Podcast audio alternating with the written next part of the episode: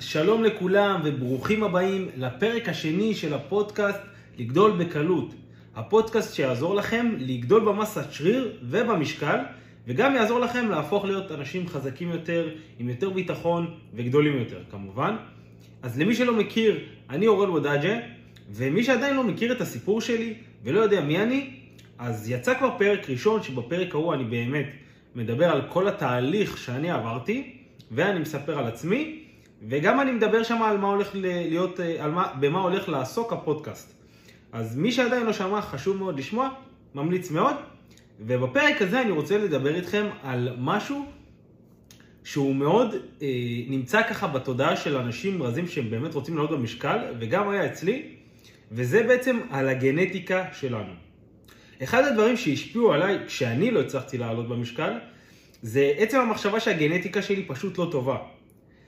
הייתי בטוח שהחילוף חומרים שלי הוא לא תקין, הוא מהיר מדי, וראיתי באמת שאני לא מצליח, וזה לא הולך לי, והייתי בטוח שזהו, שזה לא יקרה, ואני ככה לעולם לא אצליח לגדול.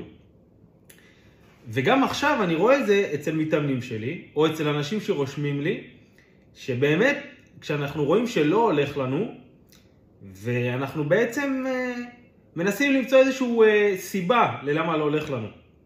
והגזר דין שלנו זה להישאר רזים. למה? כי הגנטיקה שלנו לא טובה, והחילוף חומרים שלנו מהיר מדי ולא תקין. אז קודם כל אני ארגיע אתכם ואני אגיד לכם שזה ממש לא נכון. ומה שעזר לי, ואני יודע שיעזור לכם, זה ידע. זה כל מה שצריך.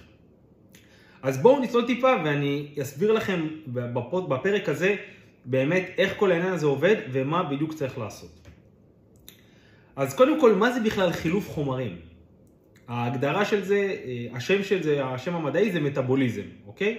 וההגדרה המדעית לחילוף חומרים זה תהליך של קליטת חומרים מהסביבה, עיבוד של אותם החומרים והפקת אנרגיה ופליטת פסולת.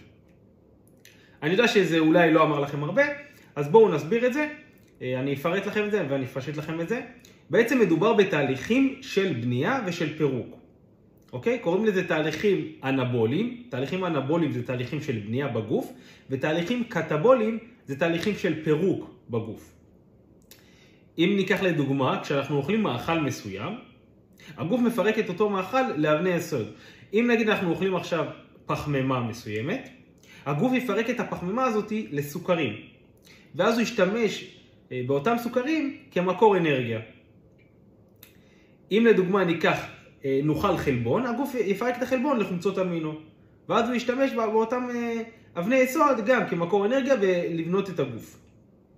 עכשיו, בו זמנית תמיד גם יש תהליכי פירוק וגם תהליכי בנייה בגוף. זאת אומרת שתמיד הגוף גם מפיק אנרגיה, מפיק קלוריות, וגם שורף אנרגיה, שורף קלוריות. זה תמיד קורה, ב...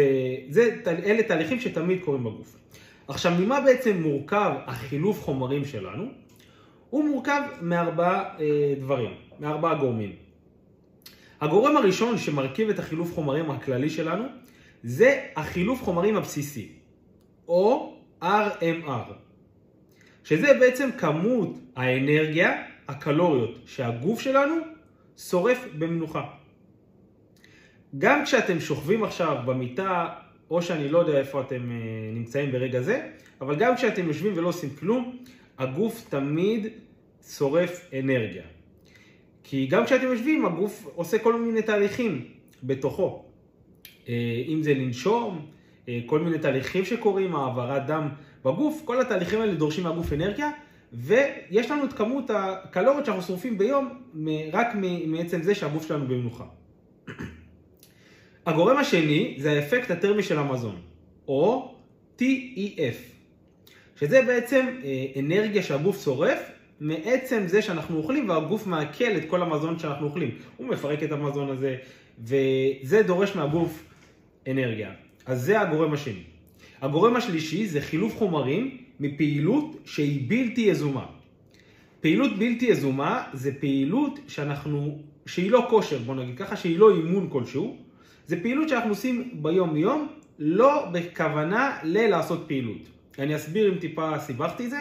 לדוגמה, שאתם עכשיו נוסעים לעבודה, לצורך העניין, אתם יוצאים מהרכב ואתם הולכים למשרד. אז כל ההליכה הזאת זה חלק מהיומיום שלכם. אז זה נקרא פעילות בלתי יזומה. כשאתם יורדים, יוצאים מהבית ויורדים במדרגות, זה פעילות בלתי יזומה. אז הגוף שלנו גם שורף אה, קלוריות מפעילות שהיא בלתי יזומה. כמובן שזה משתנה מאדם לאדם, כי כל אדם אה, יזוז אחרת במהלך היום. והגורם הרביעי זה חילוף חומרים מפעילות שהיא יזומה. שפה אנחנו מדברים על אימון כלשהו, זה יכול להיות הליכה, הליכה שהיא למען ההורדה במשקל, לצורך העניין למען השריפת קלוריות, אז זה נקרא פעילות שהיא יזומה. זה יכול להיות אימון בחדר כושר, זה יכול להיות ריצה, זה יכול להיות שחייה, זה יכול להיות רכיבה על אופניים, והבנתם את הפואנטה, בעיקרון אימון. אז יש לנו ארבעה אה, גורמים לחילוף חומרים, מרכיבים אה, שמרכיבים את החילוף חומרים שלנו, אני אחזור עליהם בקצרה. חילוף חומרים בסיסי זה במנוחה, שהגוף שורף מעצם זה שהוא בעצם עושה תהליכים בתוך עצמו. יש לנו את האפקט הטרמי של המזון, שזה TEF, שזה בעצם אנרגיה שהגוף שורף מעצם זה שהוא מעכל את המזון שאנחנו אוכלים. יש לנו חילוף חומרים מפעילות בלתי יזומה שאנחנו עושים ביום יום, ויש לנו חילוף חומרים מפעילות יזומה, שזה אימון כלשהו שאנחנו עושים אה, למען בעצם אה, מטרה מסוימת. עכשיו, כל אלה ביחד הם שווים לחילוף החומרים שלכם. זאת אומרת שהסכום שיוצא מארבעת הגורמים האלה, זה נחשב למאזן הניטרלי שלכם. זאת אומרת שזה כמות האנרגיה שהגוף שלכם שורף ביום. ואם אתם תאכלו את אותה כמות, תכניסו את אותה כמות של קלוריות ביום, אתם לא תעלו ולא תרדו במשקל. עכשיו, איך אתם יכולים לדעת בכלל כמה הגוף שלכם שורף ביום כדי לדעת כמה להכניס? הרי אתם לא יכולים עכשיו לחשב בדיוק את החילוף חומרים הבסיסי ואפקט טרמי ובלתי יזומה, אז אני אעשה לכם טיפה סדר ואני אעזור לכם בעניין הזה. אז קודם כל, יש לכם מחשבוני BMR באינטרנט. המחשבונים האלה מחשבים לכם כמה כמות אנרגיה הגוף שלכם שורף במנוחה. עכשיו, המחשבונים האלה הם לא מדויקים, בסדר? אבל הם כן יכולים לתת לנו כיוון ראשוני מאוד טוב. אז ברגע שאתם מחשבים ואתם מגיעים לסכום מסוים, אז אתם מגיעים בעצם לכמות שהגוף שלכם שורף במנוחה. עכשיו את זה אנחנו רוצים להכפיל בסכום מסוים, כי בסוף אנחנו לא שורפים רק קלוריות במנוחה, כי אנחנו גם עושים דברים, אנחנו אולי אה, עושים אימונים, וגם באימון עצמו אנחנו שורפים קלוריות. אז איך אנחנו מוסיפים את זה? אז יש איזשהו, אה, יש, יש נוסחאות כאלה, אני אגיד לכם פה עכשיו גם בקצרה, יש איזושהי נוסחה שאפשר לחשב לפיה כמה בערך כמות הקלוריות שאנחנו שורפים ביום. אז אם אורח חיים שלכם הוא יחסית אה, אורח חיים יושבני, אתם לא עושים פעילות גופנית כמעט, ואתם אה, עובדים בעבודה שהיא עבודה משרדית, ואתם יושבים רוב היום, אז אתם יכולים להכפיל את ה-BMR שיצא לכם, את אותו סכום של המנוחה, כפול 1.2-1.3 בערך, אוקיי? שוב, זה, כל מה שאני אגיד לכם עכשיו זה באמת רק הערכות, אבל זה יכול לתת לכם כיוון טוב לפחות בהתחלה. על פעילות קלה שאתם עושים, לדוגמה בין, שלושה, בין אימון לשלושה בשבוע, אימון קליל, אה, אנחנו נכפיל את זה כפול 1.3-1.4. על פעילות בינונית, אנחנו כבר נעלה, פעילות בינונית זה בין שלושה לחמישה אימונים בשבוע, בעצימות גם בינונית, אנחנו כבר נעלה לאזורי ה-BMR כפול 1.5-1.6, ועל פעילות שהיא בעצימות יותר גבוהה, אנחנו אה, נעלה לאזור ה-BMR כפול 1.7-1.8. אה, פעילות יותר גבוהה זה יכול להיות בין, ש... בין שישה אימונים בשבוע, ככה עצימים, אה, ופעילות של ספורטאים אפשר לעלות אפילו יותר, אם זה ספורטאי באמת שמתאמן פעמיים ביום, או עובד, אחד שעובד באמת בעבודה ממש פיזית וקשה, וגם מתאמן באותו יום, אז אפשר לעלות אפילו לאזור ה-BMR כפול 2 וכפול 2.1, אוקיי? עכשיו שוב, כל זה הערכות, בואו נעשה דוגמה רגע. אה, נעשה דוגמה רק כדי שתבינו באמת איך זה עובד. אז אם לצורך העניין אני עכשיו שוקל 80 קילו, ואני בעצם מכניס את הנתונים במחשבון BMR, זה בדרך כלל אה, גיל, גובה ומשקל, ויצא לי שה-BMR שלי זה 1,800 קלוריות, אוקיי? עכשיו ה-1,800 קלוריות האלה זה כמות הקלוריות שאני שורף במנוחה, בלי לעשות כלום. מה שאני צריך להוסיף פה עכשיו זה בעצם את הפעילות הבלתי יזומה והפעילות היזומה שלי. עכשיו נעשה את זה לפי הנוסחאות שאמרתי לכם. אם אני לצורך העניין פעיל מאוד, אוקיי? יש לי שישה אימונים בשבוע, ואני עובד בעבודה שהיא יחסית, אה, שאני יחסית זז בה, אז אני אכפיל את ה-BMR באזור ה-1.7-1.8 כמו שאמרנו. אז אם אני לוקח את ה-1700 קלוריות שיצא לי שאני שורף במנוחה, ואני מכפיל ב-1.8, זה נותן לי סך הכל 3,000 קלוריות.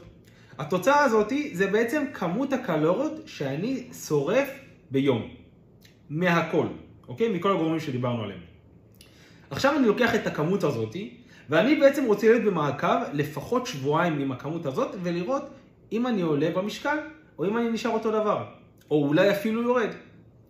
ברגע שאני רואה שאני עולה במשקל, אז אני יודע שעליתי, וזה המאזן החיובי שלי. ברגע שאני מגיע למצב שאני לא עולה במשקל ולא יורד במשקל ואני נשאר על אותו משקל, אני יודע שזה המאזן הניטרלי שלי, אוקיי? אז 3,000 קלוריות זה יהיה המאזן הניטרלי. ואם אני רואה שאני יורד, אז אני יודע שאני צריך להוסיף עוד קצת קלוריות, כי אני יורד במשקל ואני עדיין לא במאזן חיובי. אוקיי, אז אה, זה היה לי חשוב קצת להדגיש לכם ולהראות לכם באמת איך אפשר לחשב את העניין הזה. עכשיו בואו נחזור שנייה למה זה בעצם חילוף חומרים מהר יותר. למה באמת יש אנשים שיותר מאתגר בשבילם לעלות במשקל, ויש אנשים גם שהחילוף חומרים שלהם אולי יותר איטי, ואז יותר קשה להם לרדת במשקל. אז חילוף חומרים מהיר יותר זה בעצם אומר שהתהליכים של הפירוק בגוף, או אם אתם רוצים, הקצב שריפת הקלוריות, הוא קצת יותר גבוה מהרגיל. אוקיי? זאת אומרת שהמאזן הניטרלי שלכם יהיה יותר גבוה ביחס למשקל ולנתונים הפיזיים שלכם. וזה אומר שאתם תצטרכו להכניס טיפה יותר קלוריות כדי להגיע למאזן חיובי. זה הכל. אז עצם זה שיש לכם חילוף חומרים מהיר יותר, זה לא אומר שאתם לא תעלו במשקל ואתם לא תצליחו. זה פשוט אומר שאתם צריכים לאכול טיפה יותר, אוקיי? להכניס טיפה יותר קלוריות. אז קודם כל זה אפשרי, בסדר? אין פה כן או לא, אלה חוקי הטבע. ברגע שאתם יודעים מה צריך לעשות, ואתם עושים את זה, זה פשוט יקרה. אז לגבי הגנטיקה והעניין של חילוף חומרים מהיר, את התירוץ הזה באמת אפשר למחוק, כי בסופו של דבר זה לא מה שעוצר אתכם מלהצליח לעלות במשקל.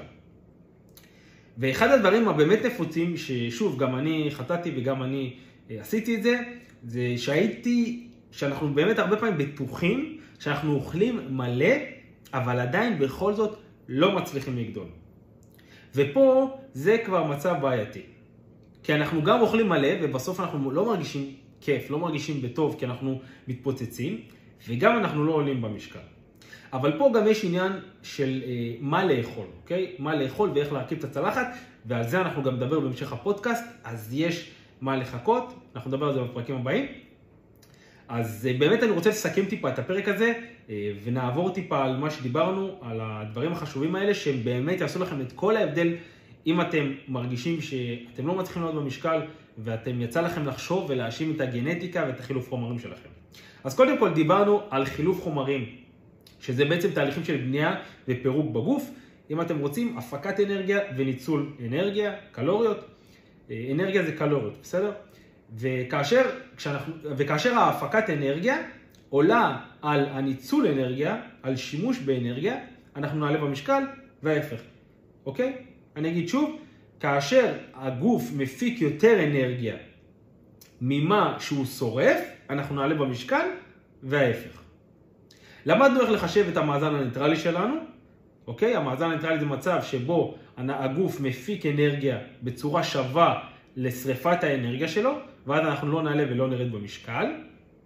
למדנו על BMR ואיך לחשב אותו, ואיך אנחנו בעצם אה, מגיעים גם לכמה אנחנו שורפים ביום, כדי להוסיף באמת את הפעילות שאנחנו עושים, גם מפעילות גופנית יזומה וגם פעילות שהיא בלתי יזומה, שאנחנו לא יוזמים אותה.